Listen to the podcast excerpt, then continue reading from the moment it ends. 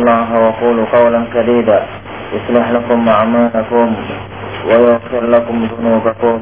ومن يطع الله ورسوله فقد فاز فوزا عظيما. أما بعد فإن أصدق الحديث كتاب الله وخير الهدي هدي محمد صلى الله عليه وسلم وشر الأمور محدثاتها فإن كل محدثة بدعة وكل بدعة ضلالة وكل ضلالة في النار. إخواني في الدين أعزني الله وإياكم. Kita lanjutkan kajian kita pada dua pekan yang lalu. Kita tetap pada masalah hadis Rasulullah SAW dari jalur Sauban.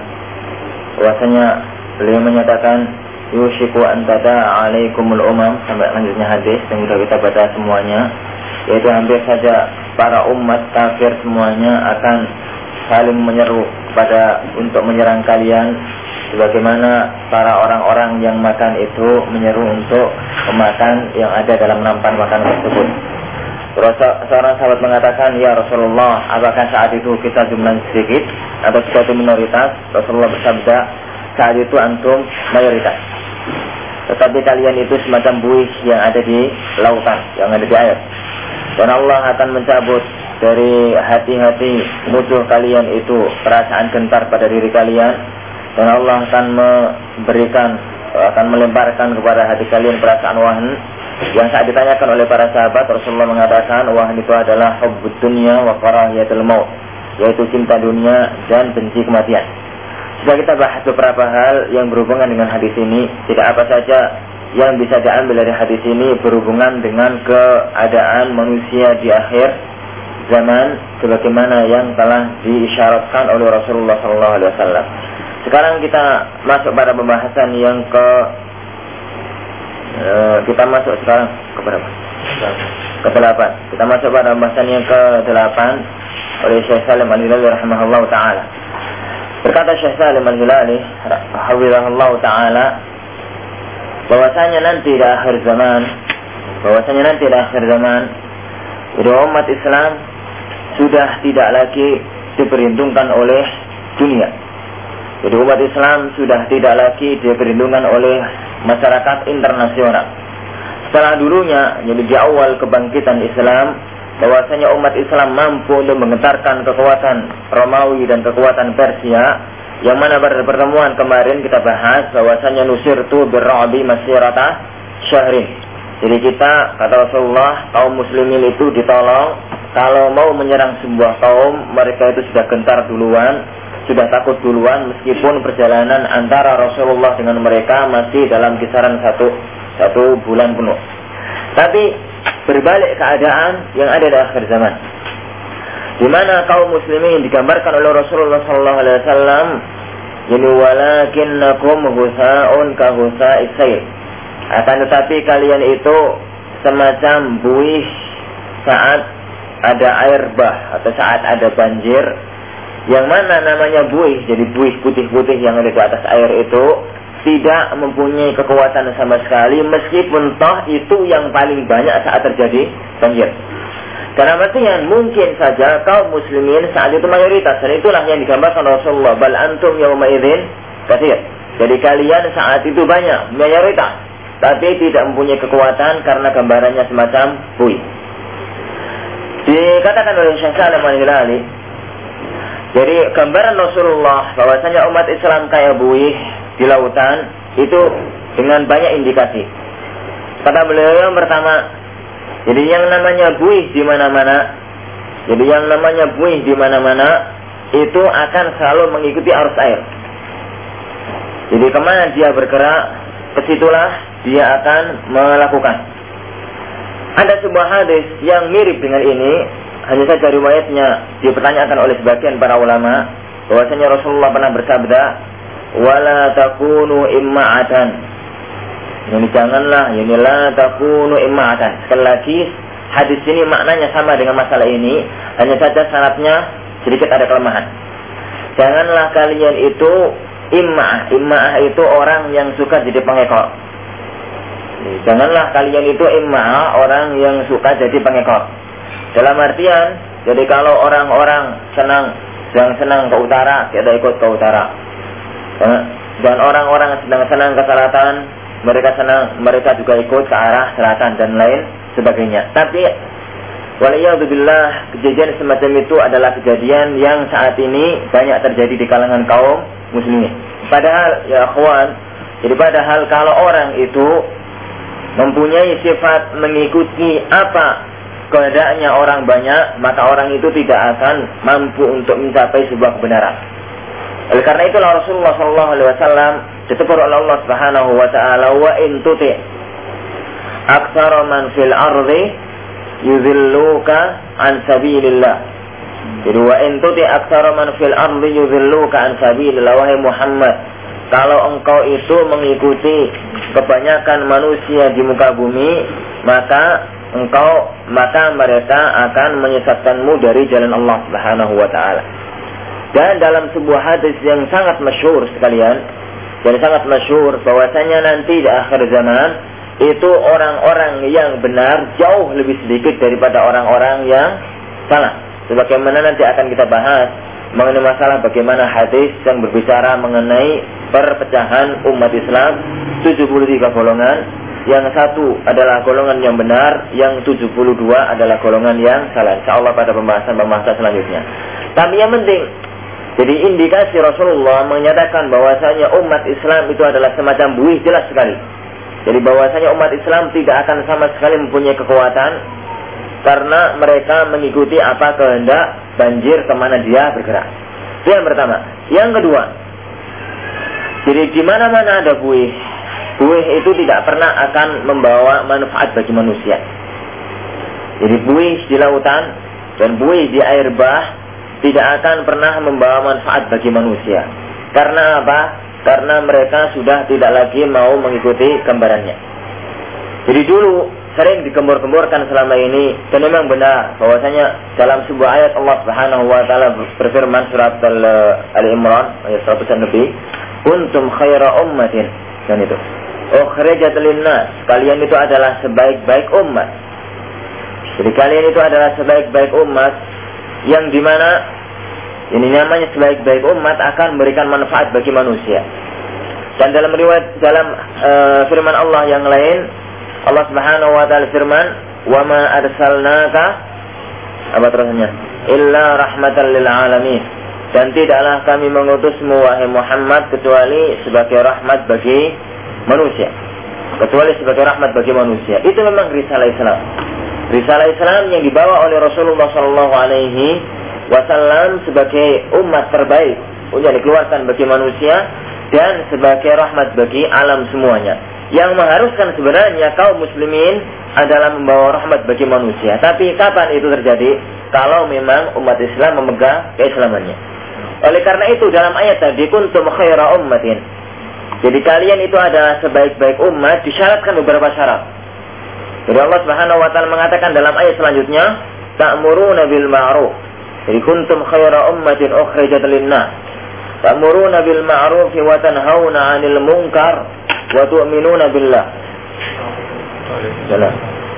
Wa tu'minuna billah. Jadi kalian dalam surat ayat 110 itu, jadi kalian surat Al-Imran ayat 110 jadi kuntum khaira ummatin kalian adalah sebaik-baik manusia yang dikeluarkan bagi manusia tapi ini dengan syarat-syarat yang harus kita penuhi kapan kita mampu sebagai umat yang terbaik. Kalau kita tidak mampu menjalankannya, maka kita akan digambarkan sebagaimana Rasulullah menggambarkannya husaun kahusai asyid. Di sini di ayat ini Allah Subhanahu wa taala firman, "Ta'muruna bil ma'ruf." Jika kalian itu mampu untuk amar ma'ruf, memerintahkan kepada kebaikan, wa tanhauna 'anil munkar dan kalian mampu untuk mencegah dari kemungkaran. Wa tanhauna 'anil munkar wa tu'minuna billah dan kalian itu mau beriman kepada Allah Subhanahu wa taala. Tiga unsur ini yang sekarang banyak hilang dari jiwa setiap muslim. Tidak ada kemungkaran jarang diingkari. Ada para perbuatan-perbuatan ma'ruf yang ditinggalkan jarang untuk dilakukan. Dan banyak banyak orang yang tidak sesuai lagi dengan keimanannya kepada Allah Subhanahu wa taala. Oleh karena itu, jadi meskipun mayoritas karena umat Islam sudah keluar dari jalur Rabbani, akan digam, maka terjadilah apa yang terjadi. Bagaimana gambaran Rasulullah semacam buih di lautan tanpa ada manfaatnya. Beda sekali dengan apa yang terjadi dulu di zaman Rasulullah Shallallahu Alaihi Wasallam. Dan itulah sejarah yang dari zaman dulu sampai zaman sekarang terjadi. Di dalam sebuah perang dalam dalam sebuah peperangan perang Nahawan ya, perang Nahawan yang mana itu adalah keterusan terusan dari perang Al-Qadisiyah. Terusan dari perang Al-Qadisiyah, Anda tahu ya, setelah perang Al-Qadisiyah, yaitu kekuatan kekuatan orang-orang Persia di zaman Umar bin Khattab radhiyallahu anhu mundur. Akhirnya mereka maju, akhirnya mereka masuk ke sebuah benteng pertahanan terakhir. Di daerah itu namanya daerah Nahawa. Daerah itu benteng penuh kekuatan. Jadi umat Islam tidak bisa mendekati daerah itu karena setiap kali mendekati dari atas benteng akan dilemparkan jadi rantai-rantai yang di bawahnya itu ada ranjau yang penuh dengan api panas. Tidak mungkin bisa maju. Pas pimpinan perang saat itu, saudara saya Abu Musa al-Ash'ari dengan sebagian pimpinan perang yang lain, dia itu tiba-tiba ada sebuah anak panah tepat berada di sampingnya dari arah benteng dibuka ternyata dari seorang salah seorang panglima. Ternyata dari salah seorang jadi panglima dan dia mengatakan bahwasanya kami jadi kami lebih senang daerah ini kalian kuasai dengan keadilan kalian daripada kami berada di bawah pimpinan negeri kami sendiri tapi dalam sebuah kezaliman. Kisahnya itu masih panjang, tapi yang penting jadi zaman dulu ya kawan, zaman dulu umat Islam itu sampai dikenal di kalangan orang-orang kafir tentang keadilannya. Bahwasanya betapa banyak kejadian ini berulang beberapa kali salah satunya perang ini. Jadi orang seorang pimpinan kafir jadi dia berlindung di bawah keadilan Islam dan keluar daripada kezaliman orang-orang Persia. Dan itu pula lah saat terjadi pembukaan kota Mesir.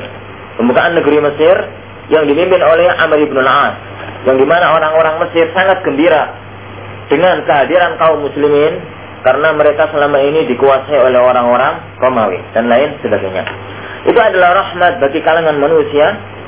Umat Islam datang sebagai rahmat bagi manusia, memberikan manfaat bagi manusia tatkala mereka mau mengembangkan dan mau benar-benar mengamalkan apa yang diamalkan atau apa yang diperintahkan oleh Allah dan oleh Rasulullah Shallallahu Alaihi Wasallam.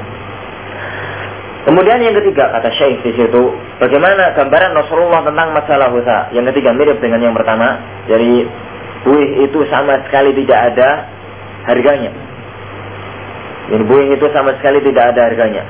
Kemudian yang yang ketiga, yang terakhir, eh, yang D, yang keempat, bahwasanya buih yang dia harus banjir rata-rata di mana nggak ada yang namanya buih itu bersih. Dan itu ya kawan yang kita khawatirkan di zaman kayak kita sekarang. Jadi buih antum tahu buih di lautan, buih tidak ada yang namanya buih itu kayak uh, ketok angka saat antum nyuci pakaian putih bersih gitu buihnya, tidak pernah terjadi. Di mana-mana kotor, penuh dengan sampah, penuh dengan yang lain. Dan itu waliyadzubillah yang terjadi dengan umat Islam sekarang ini.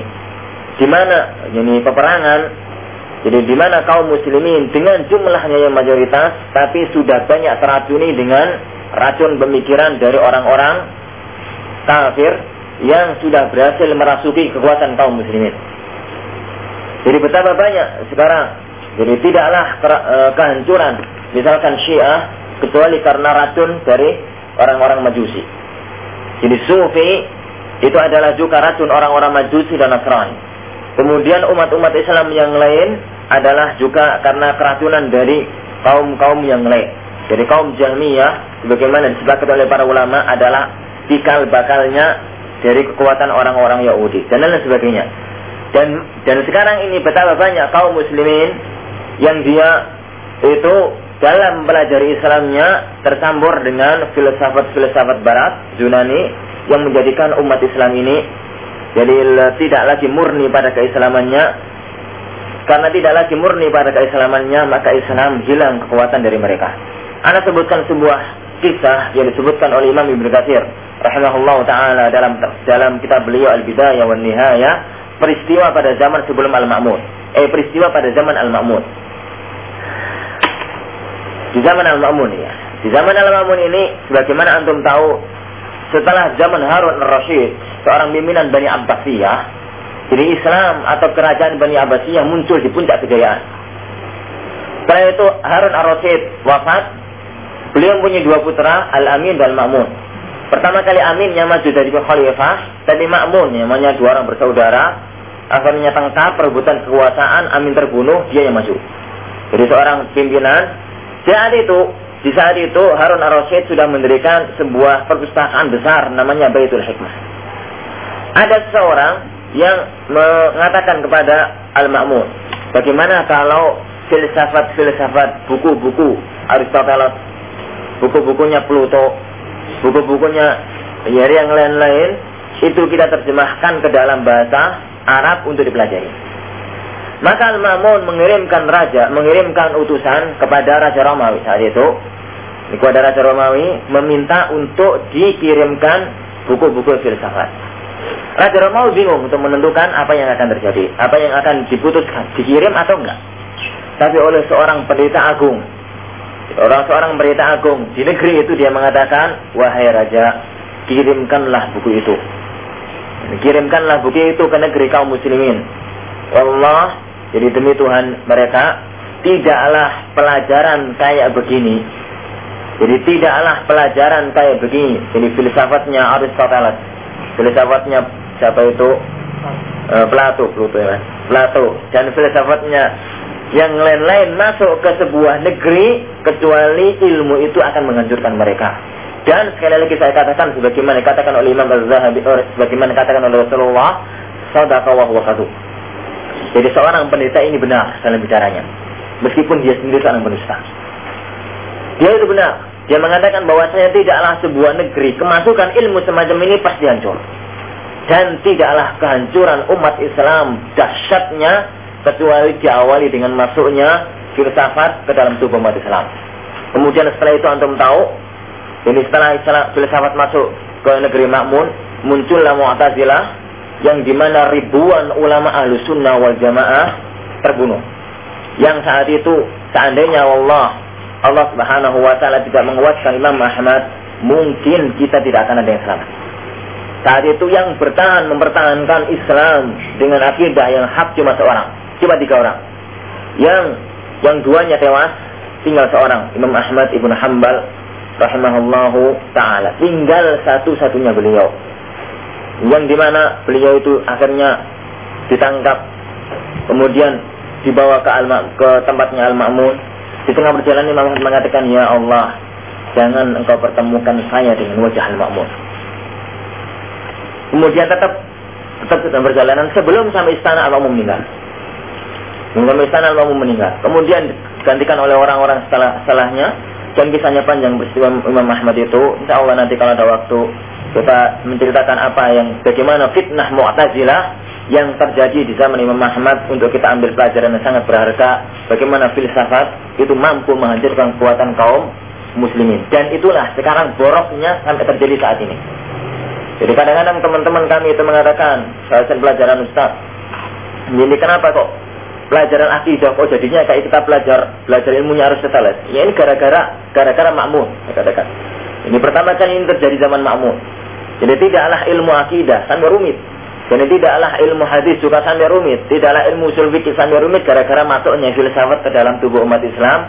Sehingga mau tidak mau para ulama kita harus membantah syubhatnya dan kalau bantah syubhatnya mau tidak mau harus dengan pembahasan yang rumit juga. Kitab yang terbaik masalah ini kitabnya berjilid-jilid begini, anak nggak bisa membacanya karena kitab ini sebagaimana dikatakan oleh Imam uh, Syekh Muhammad bin Shalih Utsaimin Imam Ibnu Taimiyah rahimahullah taala punya sebuah kitab yang tidak bisa memasuki kitab ini kecuali penyelam mulung. Dan saya bukan seorang penyelam. Yang namanya kita beliau namanya Dara Ta'arudil Aqal wan Naqal jadi penolakan atau ini penolakan bahwasanya kita menolak tidak tidak akan ada kontradiksi antara Al-Qur'an As-Sunnah dengan akal. Sebagaimana yang sekarang sering dikembur-kemburkan oleh orang-orang neo Mu'tazilah zaman sekarang ini. Tapi yang penting ya kawan ini. Jadi yang kita bahayakan salah satu yang sangat berbahaya di zaman sekarang ini adalah sebagaimana gambarannya Rasulullah umat Islam di akhir zaman kayak buta. Yang salah satu indikasinya di mana-mana ada buih mesti kotor. Dan kotornya umat Islam sekarang sangat terpengaruh atau sangat kelihatan di zaman sekarang ini. Baik, jadi itu beberapa hal yang disampaikan oleh Syekh Al-Hilal taala tentang gambaran umat Islam di akhir zaman bahwasanya umat Islam. Jadi sebagaimana husa, sebagaimana air buih yang ada di keadaan banjir yang mana itu tidak berharga, jadi tidak bermanfaat dan ke mana orang bergerak dia akan bergerak dan yang paling berbahaya di mana-mana buih adalah penuh dengan kotoran, dengan kotoran pikiran-pikiran orang-orang yang. Allah Selanjutnya ya kawan sekalian, yang kita ambil juga dari hadisnya Tauban tentang keadaan akhir zaman. Jadi ini adalah penyakit akhir zaman manusia. Ini penyakit akhir zaman. Yaitu kata Rasulullah hubbud dunya wa karahiyatul maut. Ini hubbud dunya wa karahiyatul maut. Penyakit cinta dunia dan penyakit uh, penyakit takut kepada kematian. Kalau dulu ikhwah sekalian, jadi kalau dulu kawas sekalian, jadi berjalan banyak kisah sejarah. Jadi orang itu dalam sebuah sebagaimana dikatakan oleh jadi Imam Az-Zahabi dalam sebuah kisahnya bahwasanya dulu kalau orang itu maju perang betapa banyak orang itu yang menginginkan kematian daripada kehidupan. Dan dalam satu dalam perang yang sama yaitu perang Qadisiyah bahwasanya pada saat Rustum mengelima orang-orang kafir Persia saat itu mengatakan kepada panglima perang kaum muslimin kepada orang muslimin bahwasanya kalian ini menyerang kami jadi bahwasanya kalian ini menyerang kami hanya karena ingin harta dan ingin kekuasaan maka kata seorang muslim tersebut bahwasanya kami datang ke sini adalah untuk menyebarkan agama Islam tapi kalau kalian mau beriman, alhamdulillah. Dan kalian kami jadikan saudara. Tapi kalau nggak mau beriman, kami akan datang dengan sebuah pasukan yang mereka lebih cinta kematian sebagaimana kalian mencintai kehidupan. Dan memang itulah yang terjadi pada zaman dulu kawan sekalian. Di mana umat Islam jadi lebih mencintai kematian daripada mencintai kehidupan. Dan jadi merupakan sebuah bencana. Tidak mereka itu menganggap sebuah bencana kalau mereka itu maju atau mundur dari medan pertempuran atau mereka itu pulang dari pertempuran dalam keadaan masih hidup. Khalid bin Walid beliau menangis di akhir hayatnya. Yang ditangisi bukan bukan sakit, yang ditangisi bukan apa, tapi beliau mengatakan saya ini semua peperangan saya maju. Dan semua peperangan di mana saya ada peperangan di situ saya jadi panglima. Dan di mana-mana ada peperangan, saya tidak pernah tertusuk di punggung. Dalam artian, nah, tidak pernah saya mundur. Tusukan semuanya ada di daerah depan. Di daerah punggung nggak pernah. Tapi kenapa saya harus meninggal? Bagaimana meninggalnya anjing seseorang? Dalam artian meninggal sakit di, di rumah. Beliau meninggal di atas tempat tidur. Dan memang itulah qadar Allah Azza wa Jal. Orang yang selalu maju peperangan tetap aja mati di atas tempat tenaganya. Di sini kata Syekh rahimahullah taala, jadi penyakit umat Islam akhir zaman jadi adalah menjadikan dunia jadi menjadikan dunia adalah tujuan utama seseorang dan menghabiskan umur untuk mencari kehidupan dunia ini. Dan itulah yang dikatakan oleh Rasulullah hubbud dunia wa karahiyatul maut. Jadi kalian itu mencintai dunia dan takut kepada kematian. Penyakit ini akhwan sekalian jadi penyakit cinta dunia adalah penyakit yang sangat berbahaya. Jadi Rasulullah Shallallahu Alaihi Wasallam pada saat suatu eh, suatu ketika di Madinah, hadis ini Imam Bukhari, bahwasanya datanglah upeti dari negeri tetangga. Jadi negeri orang-orang kafir yang mereka membayar upeti kepada negeri kaum muslimin di Madinah. Melihat upeti yang sangat banyak tersebut, jizyah, kaum muslimin sangat senang. Dan kemudian mereka pasti dapat bagian karena harta itu adalah harta dari Baitul Malil Muslimin. Melihat umat Islam itu sangat senang dengan harta yang datang tersebut Rasulullah SAW bersabda mal faqru akhsha alaikum jadi saya sebenarnya saya itu tidak takut kalian itu dalam keadaan kefakiran walakin akhsha an tuftaha alaikum dunya fatanafasuha kama tanafasuha fatuhlikukum kama ahlakatuhum kata Rasulullah dalam riwayat Bukhari. Jadi saya tidak takut kalian itu uh, kalian itu dalam keadaan kefakiran. Yang saya takutkan adalah kalau dunia ini dibuka kepada kalian.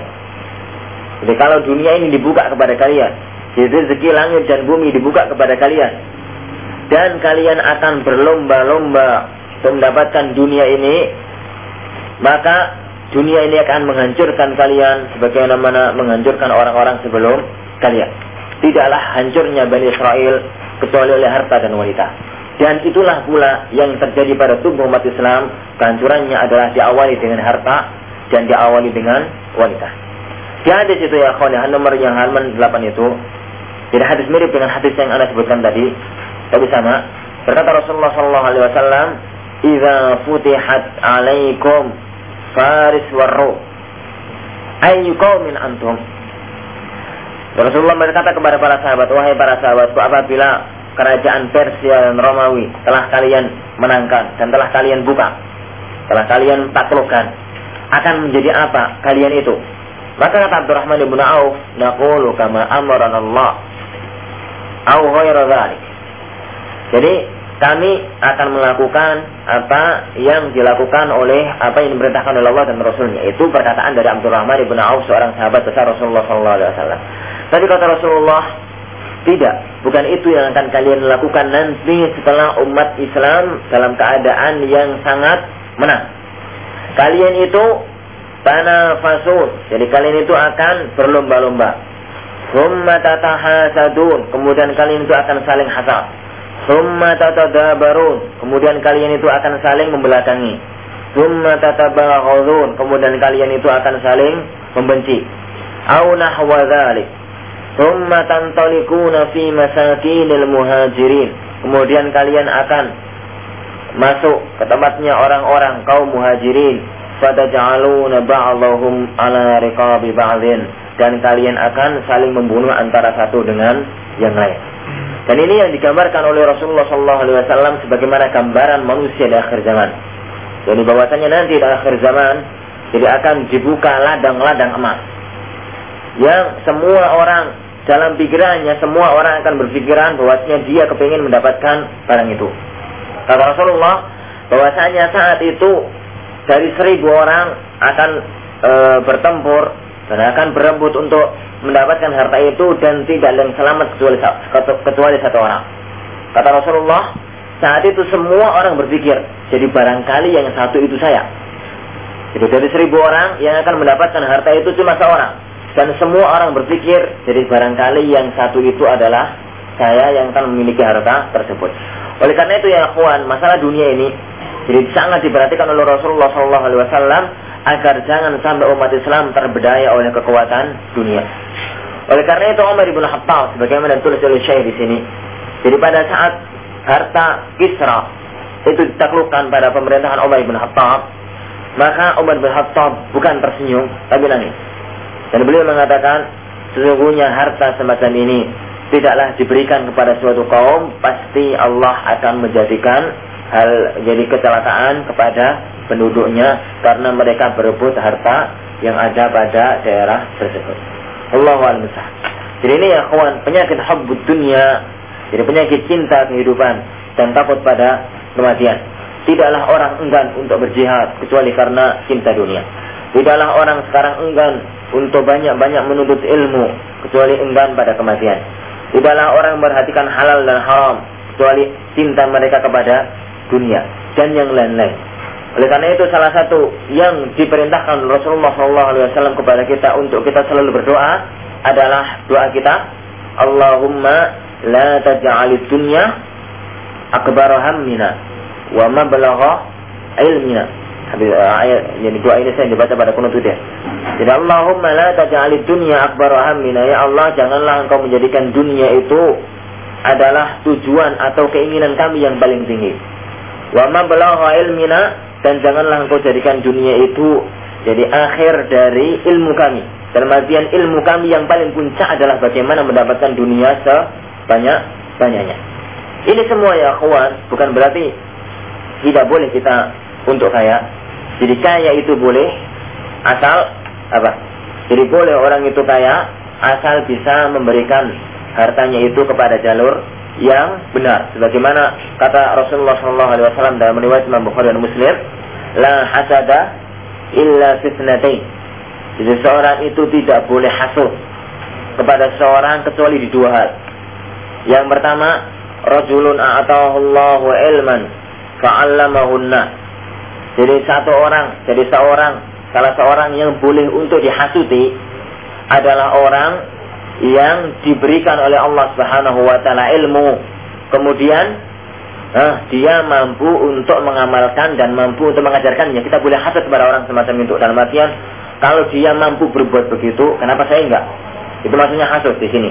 Jadi kita kepingin memiliki kayak dia.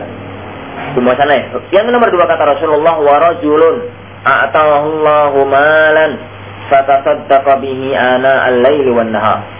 Kemudian yang kedua orang yang boleh dihasuti adalah orang yang kaya diberi Allah Subhanahu wa taala harta dan dia itu mampu untuk mensedekahkan hartanya waktu siang dan waktu malam.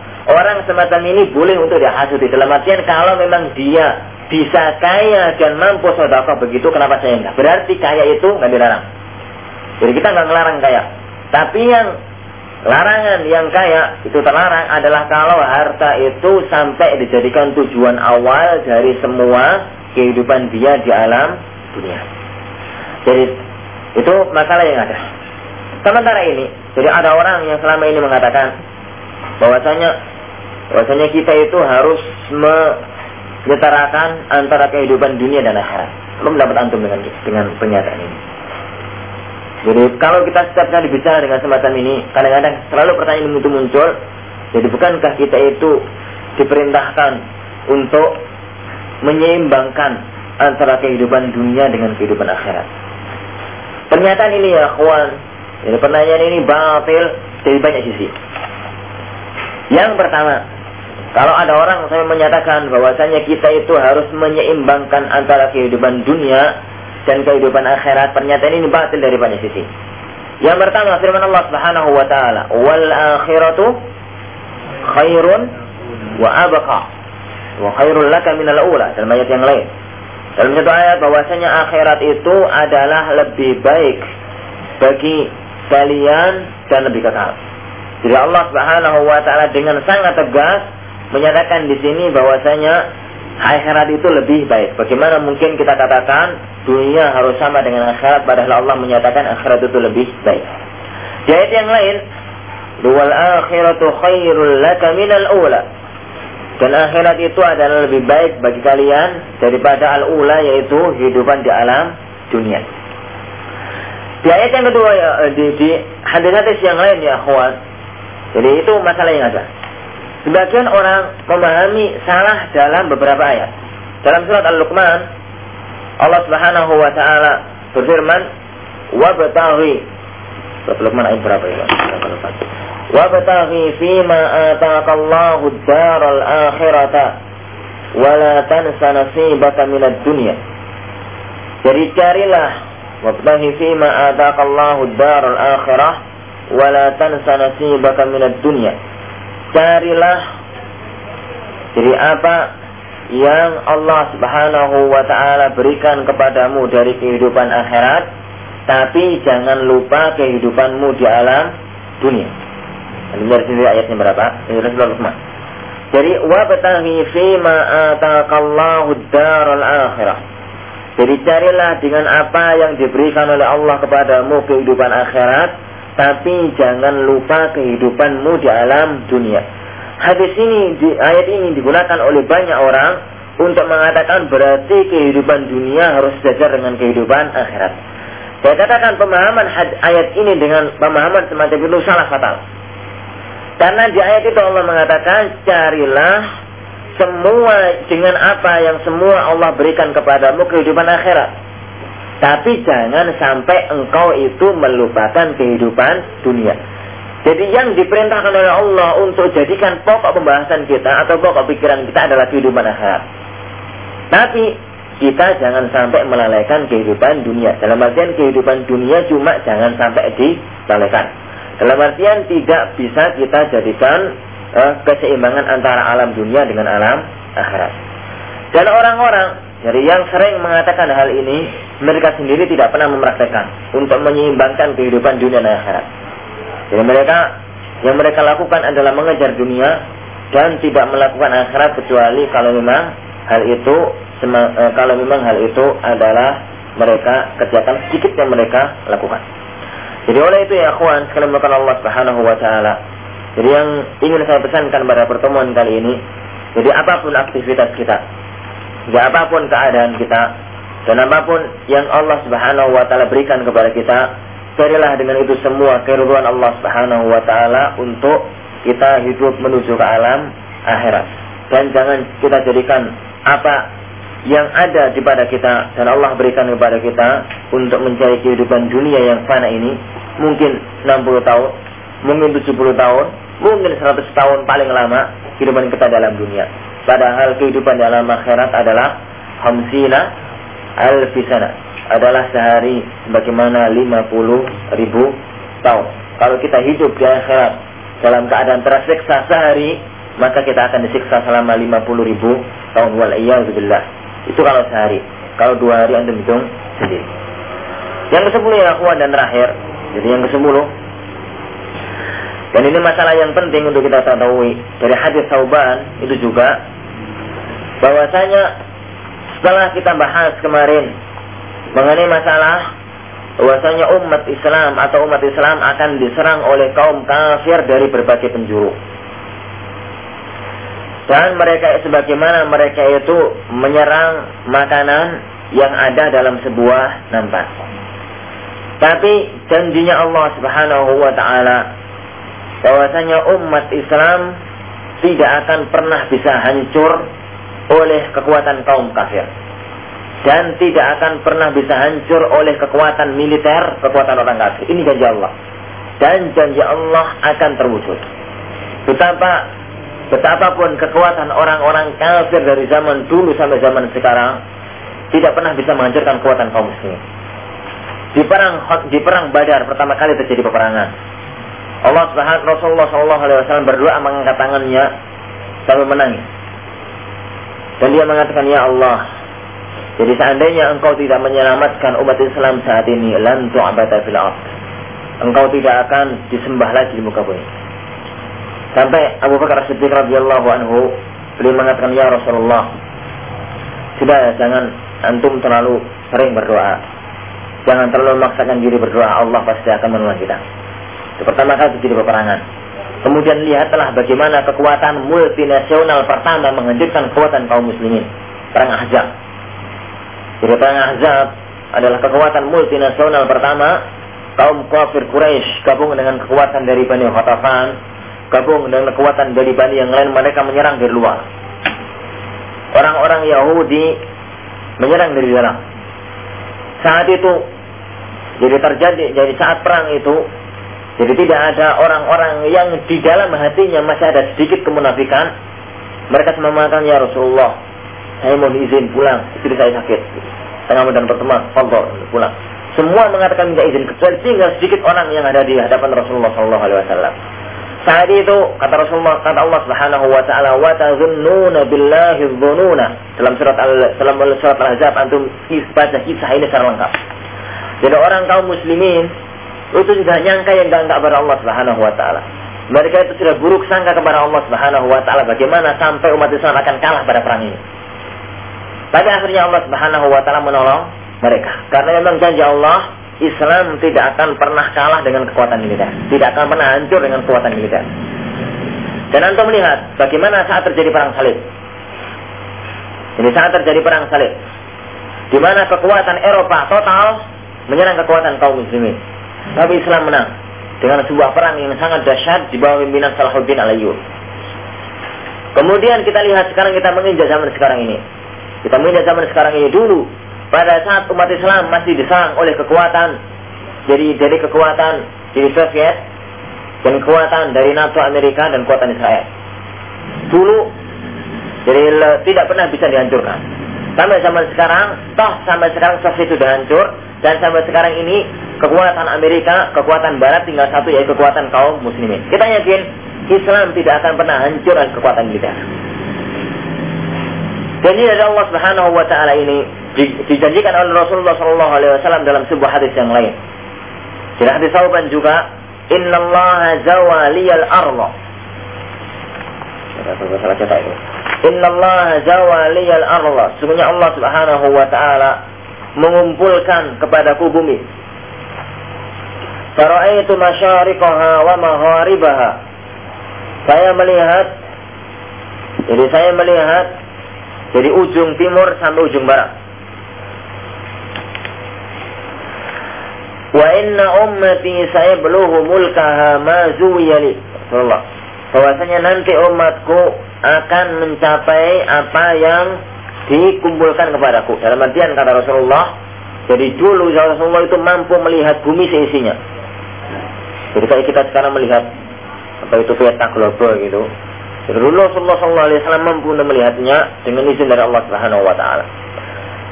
Dan kata Rasulullah bahwasanya nanti umat Islam akan menguasai semua daerah tersebut.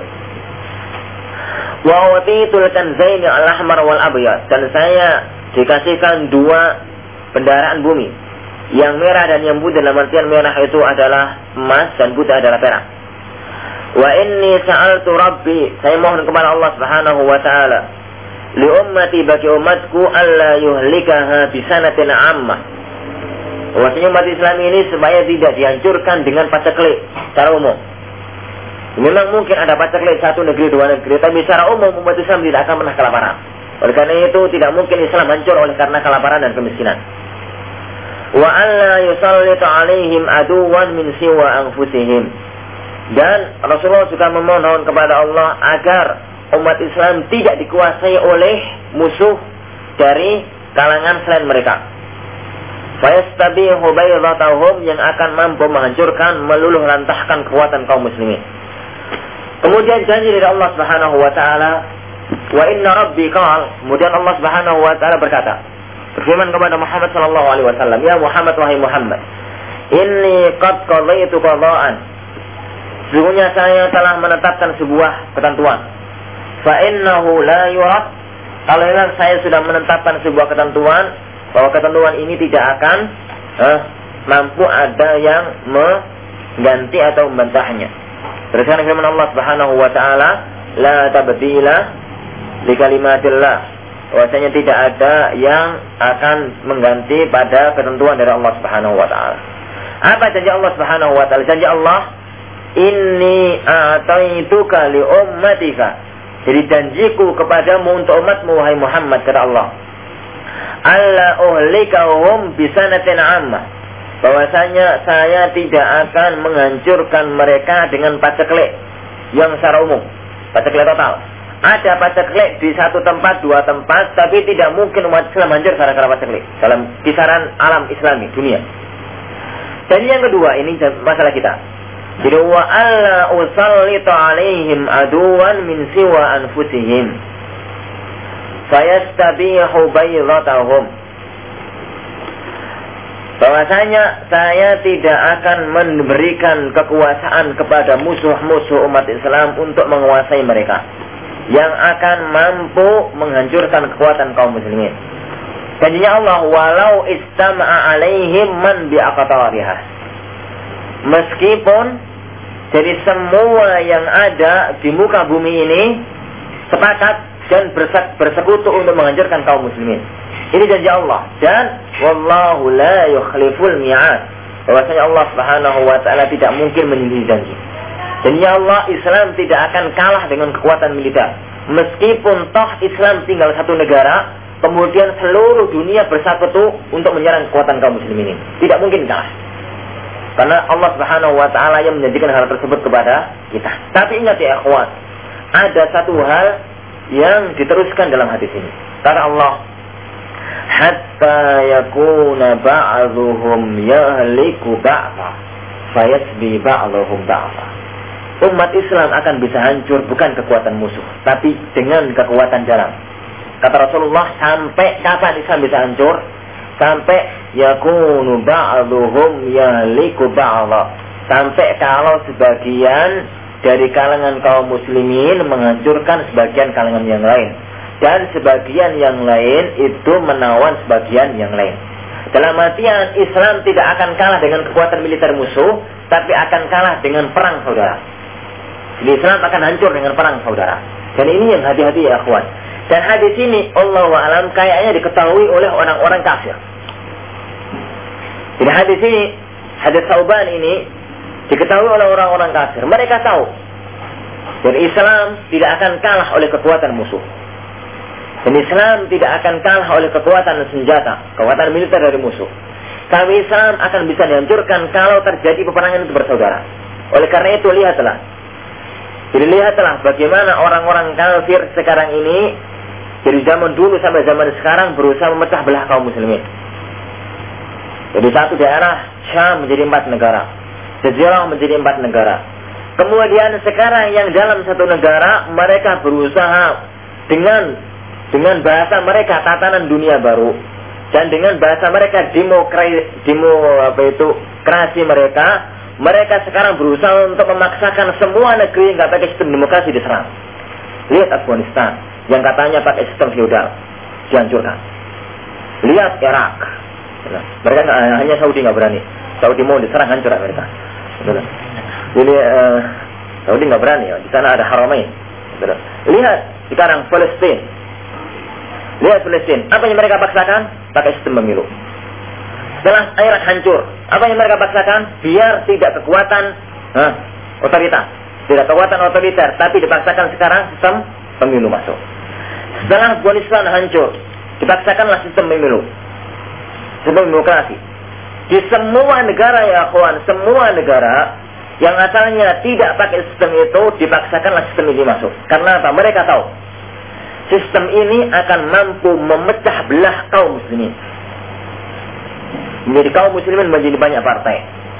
Yang satu partai ini satu partai kuning, satu partai hijau, satu partai merah. Sistem ini akan mampu memecah belah kaum muslimin. Dan mereka tahu dengan pecah belahnya kaum muslimin, di sinilah awal kehancuran kaum muslimin.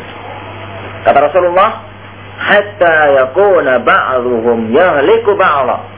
Sampai sebagian kaum muslimin menghancurkan sebagian yang lain. Sampai sebagian kaum muslimin menghancurkan sebagian yang lain. Oleh karena itu ya kawan sekalian, hati-hati. Jadi hati-hati dengan terpecah belahnya kaum muslimin. Jadi kita kembalikan kekuatan muslimin pada persatuannya semula bukan persatuan semu sebagaimana digemborkan oleh sebagian teman-teman harafiyin tapi kita kembalikan kekuatan kaum muslimin sebagaimana nanti akan kita bahas bagaimana kita kembali mengembalikan kejayaan umat Islam yang sekarang sudah terpuruk pada keterpurukan yang sangat parah sekali. Kawan sekali makan Allah Subhanahu wa taala. Jadi ini jadi ini janjinya Allah dan Allah Subhanahu wa taala tidak akan menyelisihi pada janjinya. Yang mana umat Islam yang kita lihat sekarang ini umat Islam yang kita lihat sekarang ini dengan kuat dengan e, terpecah belahnya ingin menjadi jadi menguasai sebagian yang lain yang di mana itu adalah awal dari asal jadi awal dari kaum kafir bisa untuk menguasai kekuatan kaum muslimin. Allahu a'lam. Nah, ini kawan dari hadis Tauban. Jadi hadis jadi hadis Tauban yang e, dikatakan oleh Rasulullah Shallallahu Alaihi Wasallam berbicara mengenai bagaimana keadaan kaum muslimin yang ada di akhir zaman. Allahu a'lam.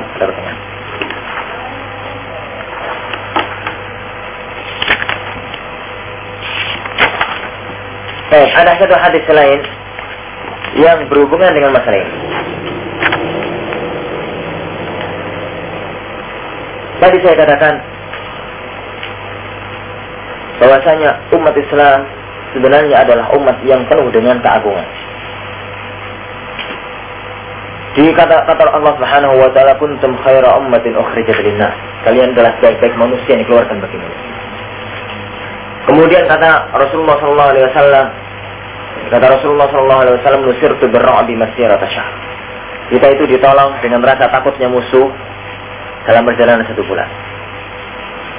Dan banyak lagi keutamaan-keutamaan kaum muslimin yang dulu dari negeri Arab yang tidak pernah dikenal oleh sejarah mampu mengguncangkan dunia dan mampu menggetarkan kursi Romawi dan Persia. Yang dulu antum tahu kisah jadi Heraklius. Pada saat Abu Sufyan sebelum beliau masuk Islam. Dia melewati daerah Romawi dan dipanggil oleh Heraklius. Dia mengatakan, jadi siapa di antara kalian yang paling pintar? Orang-orang yang rombongannya Abu Sufyan itu menunjuk kepada Abu Sufyan. Dan dia bertanya banyak sekali bagaimana sifat seorang nabi yang mengaku-ngaku nabi itu. Sifatnya begini, begini, begini, begini, begini. Dia mengatakan apakah pengikutnya dari kalangan orang miskin atau orang kaya dari kalangan orang miskin. Maka kata Heraklius begitulah dulu para nabi juga pengikutnya di kalangan orang miskin. Dia mengatakan apakah dia dulu pernah berdusta kepada manusia? Tidak pernah berdusta. Bahkan dia kita sebut sebagai alami. Maka Heraklius mengatakan bahwasanya kalau memang dia tidak pernah berdusta kepada manusia, maka tidak mungkin berdusta kepada Tuhannya. Dia mengatakan bahwasanya apakah pengikutnya bertambah banyak atau tambah dikit, tambah banyak. Dia mengatakan apakah kalau ada yang masuk Islam, ada yang murtad kembali? Belum ada. Kalau pertanyaan banyak sekali hadis itu, yang penting kalau di akhir hadis itu dia menyatakan, Wallahi, jadi seandainya benar yang kau katakan wahai Abu Sufyan, maka dia akan menguasai tempat di mana saya sekarang duduk. Dalam artian dia nanti Nabi itu akan menguasai tempat ini, sanaku ini. Dan memang itulah yang digambarnya diketahui oleh orang-orang kafir. Oleh karena itu ya kawan sekalian. Oleh karena itu mereka sebenarnya semua tahu. Jadi kekuatan kaum muslimin mereka tahu. Jadi mereka juga tahu Islam hadis ini kayaknya mereka tahu bahwa Islam tidak akan kalah dengan kekuatan senjata. Dan perang salib sebagai bukti. Jadi perang salib sebagai bukti. Jadi perang Tartar sebagai bukti dan semua peperangan itu sebagai bukti. Akhirnya mereka menempuh jalur lain. Bagaimana agar umat Islam yang tokoh ini Bagaimana agar umat Islam yang tidak pernah kalah dalam peperangan ini bisa hancur dan bisa kalah. Akhirnya ditempuhlah jalan lain, yaitu jalan menggerogoti kaum muslimin dari dalam. Dan sekarang itu yang terjadi di tubuh kaum muslimin. Jadi agar umat Islam digerogoti dari dalam kekuatannya dan kalau kekuatan kaum muslimin sudah hancur, maka dengan mudah umat Islam akan dihancurkan. Oleh karena itu Umar bin Khattab mengatakan, "Nahnu qaumun a'azzanallahu bil Islam, faman ibtagha al izzata fi ghairihi azallahullah." Jadi kami adalah sebuah kaum yang dimuliakan oleh Allah Subhanahu wa taala dengan Islam, maka kalau ada orang yang sampai mencari kemuliaan di luar Islam, maka dia akan dihinakan oleh Allah Subhanahu wa taala. Kita lihat sekarang bagaimana gambaran Rasulullah sallallahu alaihi wasallam tentang penggerobotan keadaan kaum muslimin di akhir zaman. Hadis ini, jadi kejadian ini sudah dari dulu 15 abad yang lalu digambarkan oleh Rasulullah SAW dalam sebuah hadis yang sangat masyhur, yaitu hadisnya Hudzaifah. Di halaman selanjutnya itu antum di halaman hadis ini hadis Hudzaifah pada halaman ke-10. Pada halaman ke-10. Baik. Dari Hudzaifah Ibn Yaman, Hudayfa Ibn Yaman ya akhwan adalah seorang sahabat yang sering bertanya tentang keadaan akhir zaman, tentang zaman fitnah. Beliau mengatakan kana nasu yas'aluna Rasulullah 'anil khair. Jadi Rasulullah Shallallahu alaihi wasallam dia mengatakan dulunya para sahabat itu kalau bertanya kepada Rasulullah pasti bertanya tentang kebaikan. Dan itu itu yang terjadi. Setiap kali datang kepada Rasulullah, ya Rasulullah, bagaimana saya bisa masuk surga? Ya Rasulullah, apakah amalan yang paling afdal? Ya Rasulullah, begini bagaimana begini? Itu rata-rata. Tapi sahabat Hudzaifah, wa kuntu as'aluhu 'anil Tapi saya selalu bertanya tentang masalah kejelekan. Makhafata ayyudrikani, karena saya takut kejelekan itu akan menimpaku. Fakultu, maka saya mengatakan ya Rasulullah, inna kunna fi jahiliyatin wa syarrin Wahai Rasulullah, kami dulu itu pada zaman jahiliyah dan pada masa kejelekan sebelum datangnya Rasulullah Sallallahu Alaihi Wasallam. Wajah Allah bihadzal khair dan Allah datang mendatangkan atau membawakan kepada kita dengan kebaikan ini, yaitu dengan risalah Islam ini. Pertanyaan Hudzaifah, fahal ba'da hadzal khairi min syar? Jadi apakah setelah kejelekan ini uh, akan setelah kebaikan ini akan ada kejelekan? Maka kata Rasulullah, iya. Jadi setelah zamanku ini akan ada kejelekan. Hudzaifah qultu Fahal ba'da hadha syarri min khair? Setelah kejelekan itu wahai Rasulullah Apakah akan ada kebaikan lagi? Kata Rasulullah Naam iya. Wa fihi Tapi kebaikan setelah kejelekan itu Sudah bukan lagi kebaikan murni Tapi kebaikan yang fihi dakhon Dakhon itu kabut. Kita terjemahkan aja dengan kebaikan yang sudah berselimut kabut. Qul tuwa ma Apa yang membuat karuh itu wahai Rasulullah? Jadi apa sesuatu yang membuat kebaikan itu berkabut? Kata Rasulullah, kaumun saat itu ada orang-orang yastannuna bi ghairi sunnati yang mereka itu mengambil sunnah selain sunnahku wa yahduna bi ghairi hadyi dan mereka itu mengambil petunjuk selain petunjukku. Ta'arifu minhum wa tungkir. Engkau wahai Hudzaifah akan tahu mereka dan engkau akan mengingkarinya.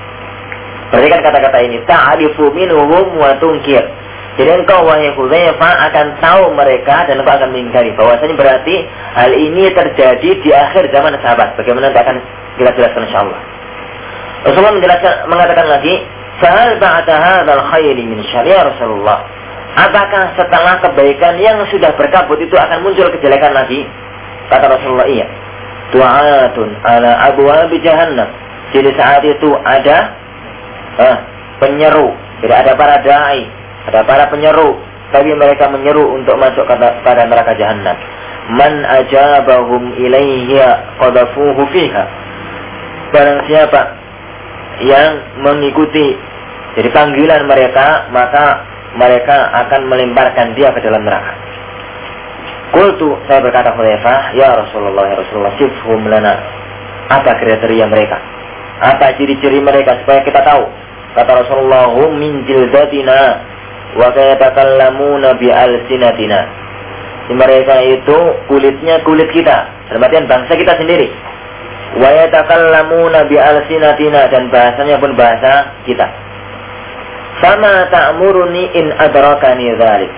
Apa yang kau perintahkan jika hal zaman itu menemui saya? Kata Rasulullah, talzamu jama'atal muslimina wa imamahum. Engkau harus wajib berpegang teguh kepada jamaah al-muslimin. Kalau ada, dan imam mereka. Fa'ilam yakun jama'atun wala imam kata Wazafah. Wahai Rasulullah, kalau nanti zaman itu tidak ada lagi jamaatul muslimin dan tidak ada lagi imam kaum muslimin. Maka apa yang kita lakukan? Kata Rasulullah, fa'atazil tilkal firaqa kullaha. Jadi jauhilah semua kelompok di zaman itu walau ta'alla bi asli syajaratin meskipun engkau harus menggigit dari uh, akarnya pohon hatta yudrikakal mautu wa anta ala dhalik sampai pun engkau harus mati untuk mempertahankan akidah itu. Hadis ini ya hadis agung berbicara tentang fitnah akhir zaman dan sekaligus solusi. Bagaimana kita mensikapi fitnah akhir zaman. Kita ulangi dari awal. Bagaimana sejarah kehidupan umat Islam yang hadis ini sudah pernah saya singgung dulu di hadis tentang sejarah perkembangan umat Islam yang lima masa. Hadis itu mirip dengan hadis ini, tapi hadis ini sekaligus memberikan solusi. Dari hadis yang dulu kita katakan di awal pertemuan kita cuma memaparkan keadaan perjalanan umat Islam tanpa solusi. Di hadis ini tentang keadaan umat Islam dengan cara lain tapi sekaligus solusinya. Kata Rasulullah, bahwasanya umat Islam dulu adalah di zaman jahiliyah. Jahiliyah dalam masalah agama. Yang orang-orang kafir mereka itu bukan jahiliyah dalam masalah ilmu. Mereka tahu ilmu perbintangan. Mereka tahu ilmu perdagangan dan bahkan orang-orang Quraisy adalah orang yang paling pintar berdagang. Sampai dalam surat Quraisy itu Allah Subhanahu wa taala mengatakan li ilafi Quraisy ila eh, li ilafi Quraisy eh, ila fihim rihlatasy syita'i wasaif yaitu perjalanan mereka waktu syita waktu musim dingin dan waktu saif maksud waktu musim panas. Dalam artian ini ada perjalanan dagang Perjalanan musim dingin adalah perjalanan ke eh, ke mana? Ke Yaman. Dan perjalanan musim panas adalah perjalanan ke Syam. Kalau nggak kebalik. Yang penting ini adalah perjalanan dagang. Mereka pintar dalam dunia perdagangan. Dan yang lain-lain. Tapi mereka adalah orang-orang jahiliyah yang karena memang kebutuhan mereka. Kemudian Rasulullah Shallallahu Alaihi Wasallam datang ke daerah tersebut membawa kebaikan. Kata Rasulullah, kata Hudzaifah, apakah ya Rasulullah setelah kebaikan zaman engkau ini akan ada kejelekan? Kata Rasulullah, iya, akan ada kejelekan. Jadi setelah zaman saya ini akan ada kejelekan. Kapan itu terjadi? Sama dengan saya terangkan dulu.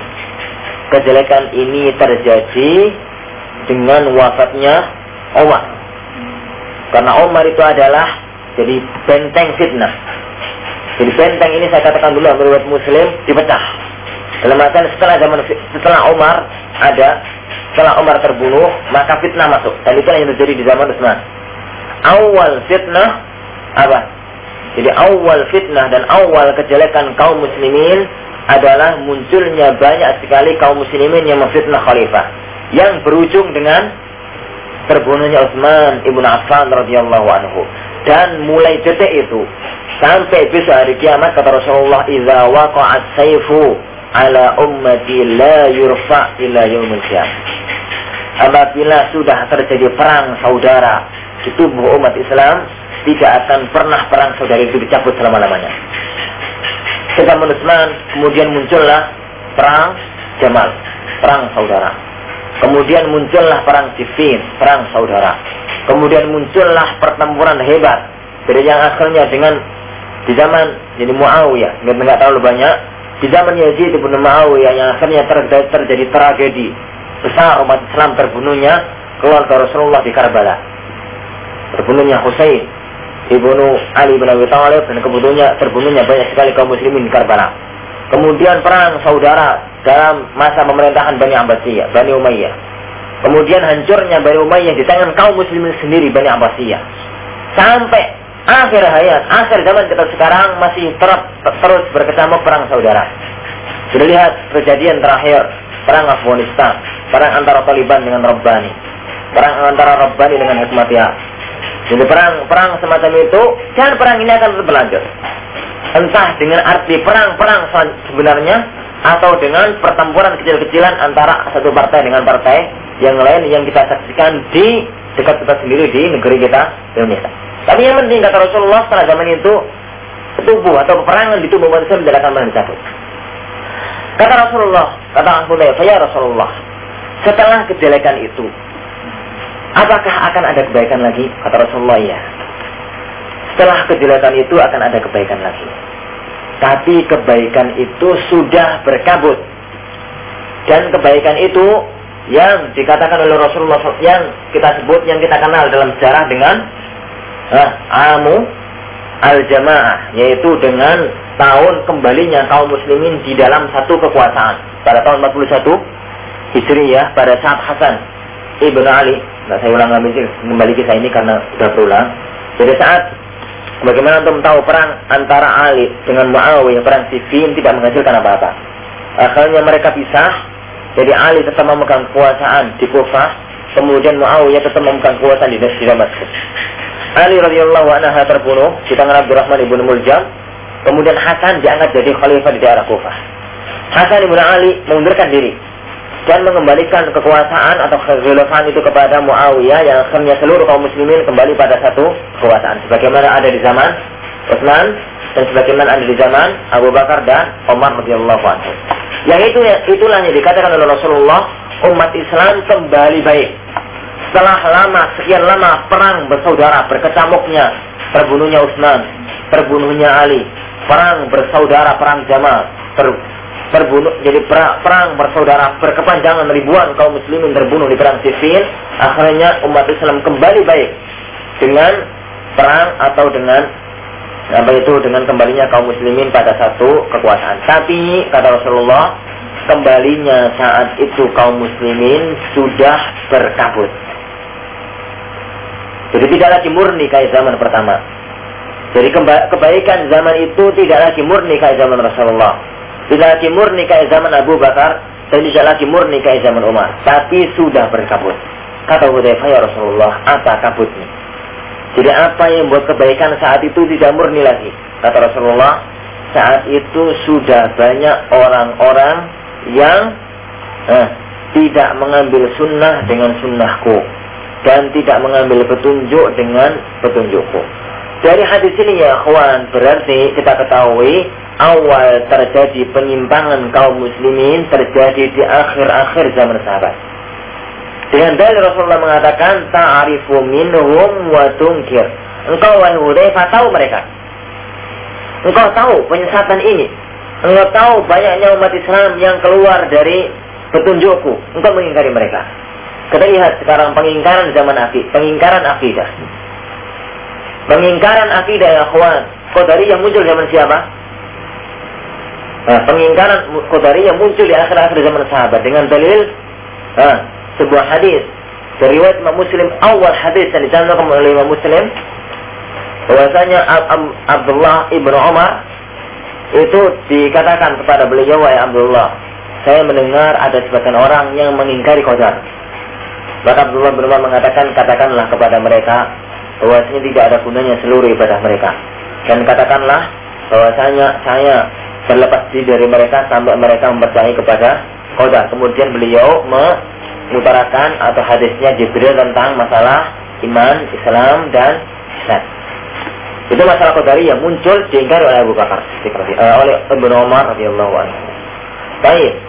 Kemudian misalkan Anda tahu dari muncul awal-awal munculnya bid'ah. Jadi orang-orang sudah mulai membuat membuat sudah mulai membuat buat apa itu e, sistem ibadah baru.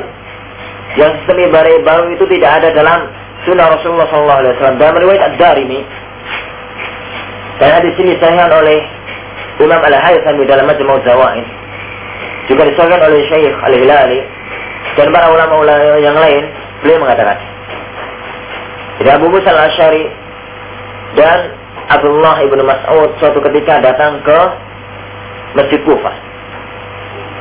Beliau melihat di situ ada orang-orang kumpul, ya kayak kita ini kumpul gitu. Kemudian mereka itu zikir. Tapi zikirnya dengan cara yang tidak ada contohnya dari Rasulullah Sallallahu Alaihi Wasallam. Jadi zikirnya dengan cara yang tidak ada contohnya dari Rasulullah Sallallahu Alaihi Wasallam. Dia mengatakan, jadi satu orang mimpi, ada yang mimpi dan mengatakan, jadi tasbihlah, subhanallah, subhanallah, subhanallah, tasbih semua. Kalau takbir, takbir, Allah Akbar, Allah Akbar.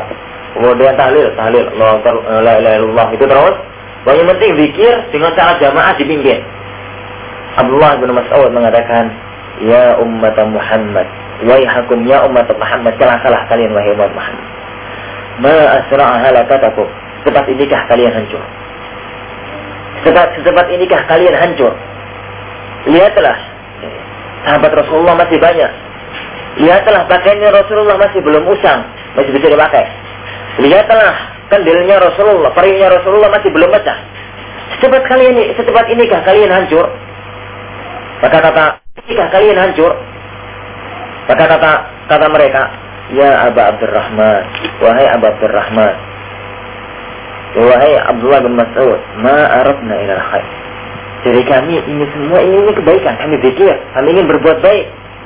Tapi kata Rasulullah, kata kata Abu Abdullah bin Mas'ud, kam min muridin lil khair lam yusibahu.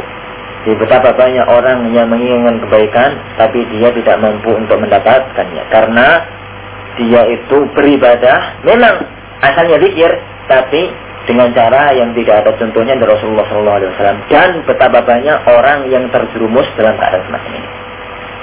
Kalau kita mengingkari misalkan orang-orang yang beribadahnya dengan cara yang baru, kita ingkari mereka yang mengatakan, loh kita kan beribadah sama kita jawab dengan jawaban Abdullah bin Mas'ud. Kam min muridin khairi la yusibahu. Ada orang-orang yang mengatakan sholat tahajud. Benar-benar kita akui sholat tahajud. Tapi pakai sistem baru. Mabit. Sistem baru. Yang sistem cara semacam ini belum dicontohkan oleh Rasulullah SAW. Kita yakin dengan saya yakin yakinnya saya bukan mengingkari antum sholat tahajud. Saya mengingkari cara kalian. Sebagaimana Abdullah bin Mas'ud bukan mengingkari zikirnya, tapi mengingkari cara berzikir. Saya sebut aja orang-orang langsung, arif ilham. Dengan cara zikir model barunya.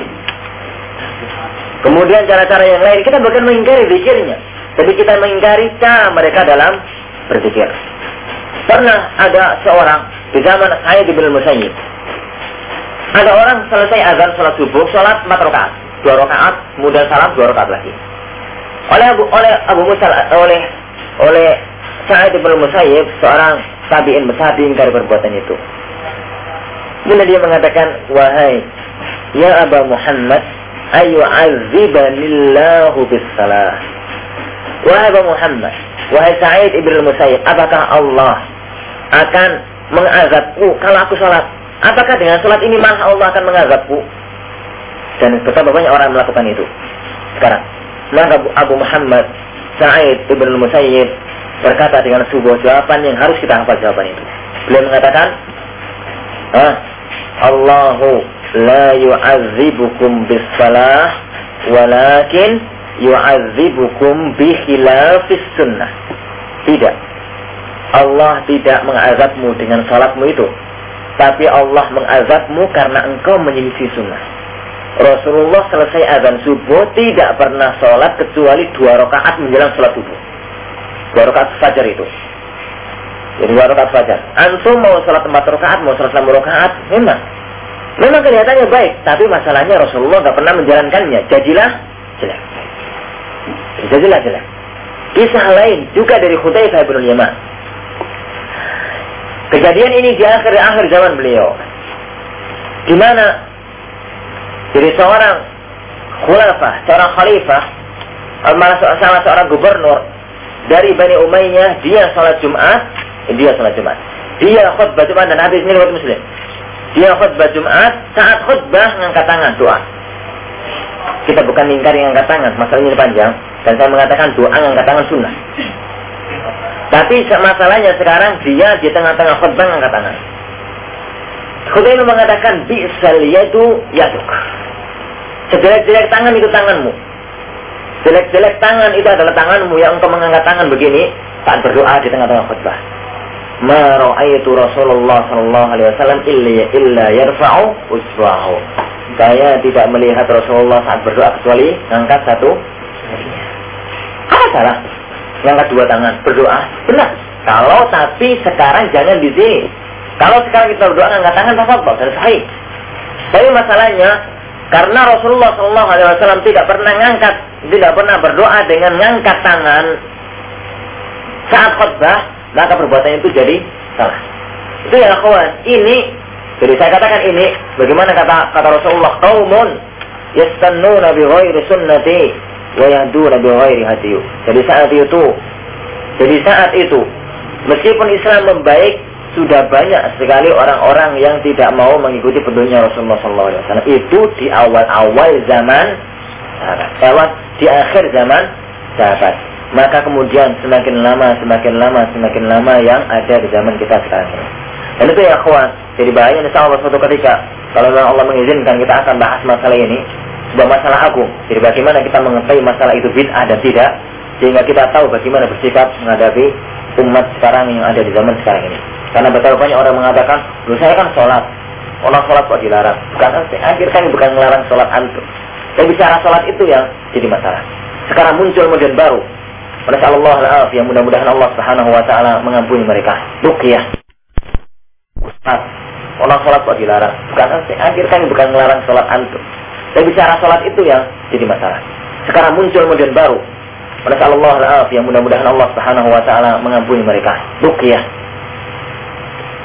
tren terbaru. Rukyah masal. Rukyah sahih. Anda nggak mengingkari rukyah. Tapi model rukyah dengan model kayak begitu, ada contohnya atau tidak? Gimana anda tahu? Anda katakan kepada mereka. Wanasallallahu alaihi Antum rukyah itu ibadah atau mainan? Apa jawabannya? Ibadah. Ibadah. Allah kira-kira nggak ada yang jawaban. Kalau mainan itu saya usah diumumkan itu. Ibadah, baik, ibadah. Pertanyaan selanjutnya, kalau itu sebuah ibadah, Rasulullah mengetahui nggak cara ibadah itu begitu? Rupiah dengan kumpulkan banyak gitu, rupiah. Kalau antum jawab, Rasulullah nggak tahu, apa kira-kira? Berarti Rasulullah tidak tahu sesuatu itu sebagai sebuah ibadah kafir. Kalau antum tahu, kalau jawabannya tahu, Rasulullah tahu bahwa cara begini ibadah.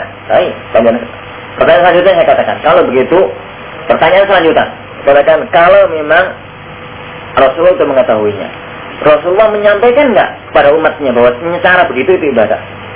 Kalau jawabannya itu Rasulullah nggak menyampaikannya, kafir. Bagaimana Rasulullah menyampaikan sebuah salah? Kalau jawabannya Rasulullah itu menyampaikannya, pertanyaan selanjutnya, Ya kawan, kalau memang Rasulullah menyampaikannya, para sahabat itu menyampaikannya enggak? Para sahabat yang menerima hal itu dari Rasulullah menyampaikan enggak itu kepada umatnya, kepada para tabiin? Kalau jawabannya para sahabat enggak ada satupun yang menyampaikannya, kalian kafir. Karena kalian menyangka bahwasanya ada agama Islam ini yang hilang. Padahal inna nahnu nazzalna dzikra wa inna lahu lahafizun. Eh, kalau mereka para sahabat juga menyampaikannya, saya katakan hatina. Datangkan kepada kami dalil bahwasanya memang begitulah cara rupiahnya Rasulullah SAW. Datangkan kepada kami dalil satu saja, jangan banyak-banyak atau separuh kalau ada. Jadi bahwasanya memang begitulah dulu Rasulullah pernah melakukan rupiah. Masalah ibadah ya kawan adalah masalah inti. Kalau ada contohnya kita jalan, kalau nggak ada contohnya kita berhenti. Jadi bagaimana Abu Abdullah bin Mas'ud mengingkari, bagaimana Hudzaifah mengingkari, Bagaimana Abdullah bin Umar mengingkari bagaimana hal-hal yang lain. Dan itu kata para kata Rasulullah ta'arifu minhum wa tungkir. Engkau mengetahui mereka dan engkau mengingkarinya. Hudzaifah mengingkari, Abdullah bin Mas'ud mengingkari, Abdullah bin Umar mengingkari, Abu Musa al-Asy'ari mengingkari dan para sahabat-sahabat yang lain juga mengingkari hal tersebut. Allahu alam. Bisa. Kalau kita kalau kita contohnya semakin kita banyakkan akan semakin banyak. Jadi betapa banyak beberapa hal yang menyelisih sunnah Rasulullah SAW dan itu diingkari oleh para sahabat Nabi Shallallahu Alaihi Wasallam. Allah Kita berhenti sampai di, di sini tentang hadis ini dan kita teruskan pada pertemuan sini Allah Subhanahu Wa Taala. Karena yang ditanyakan akhwat